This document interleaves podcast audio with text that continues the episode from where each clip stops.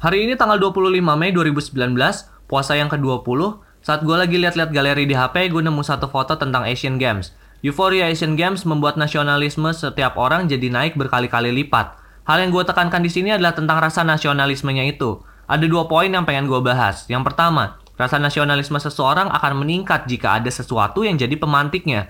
Di sini, Asian Games yang menjadi pemantik orang-orang untuk mereka mau mengenakan atribut serba Indonesia dengan bangganya. Apa harus selalu jadi tuan rumah dulu untuk kita bangga jadi orang Indonesia? Yang kedua, rasa nasionalisme itu ternyata bisa menular dari budaya ikut-ikutan. Contoh, ada temen lu yang posting foto tiket pertandingan Asian Games, dan lu ngeliat postingan tersebut, dan seketika lu jadi pengen juga untuk ikutan nonton pertandingan Asian Games. Biar kayak orang-orang lainnya aja, meskipun lu nggak tahu apa itu sejarah Asian Games, nama maskotnya siapa, dan maskot-maskot tersebut merepresentasikan apa. Sayang aja gitu loh kalau lu cuma ikut-ikutan tanpa tahu sejarah di baliknya. Thank you so much, gue Zakir Wandi.